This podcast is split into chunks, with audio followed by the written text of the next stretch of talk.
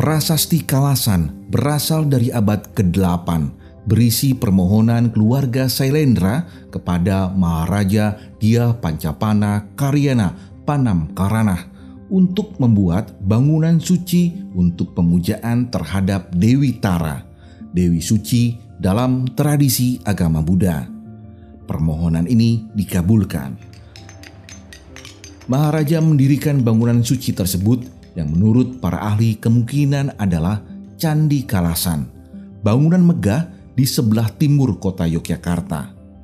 Bersamaan dengan itu, Maharaja Dia Pancapana Karyana Panam Karana juga membangun tempat tinggal para pendeta. Peresmiannya disaksikan oleh tokoh-tokoh setempat seperti Pangkur, Tawan, dan Tirip yang namanya diabadikan dalam prasasti.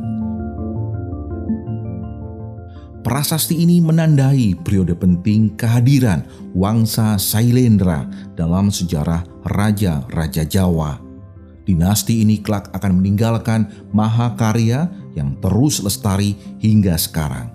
Candi Borobudur.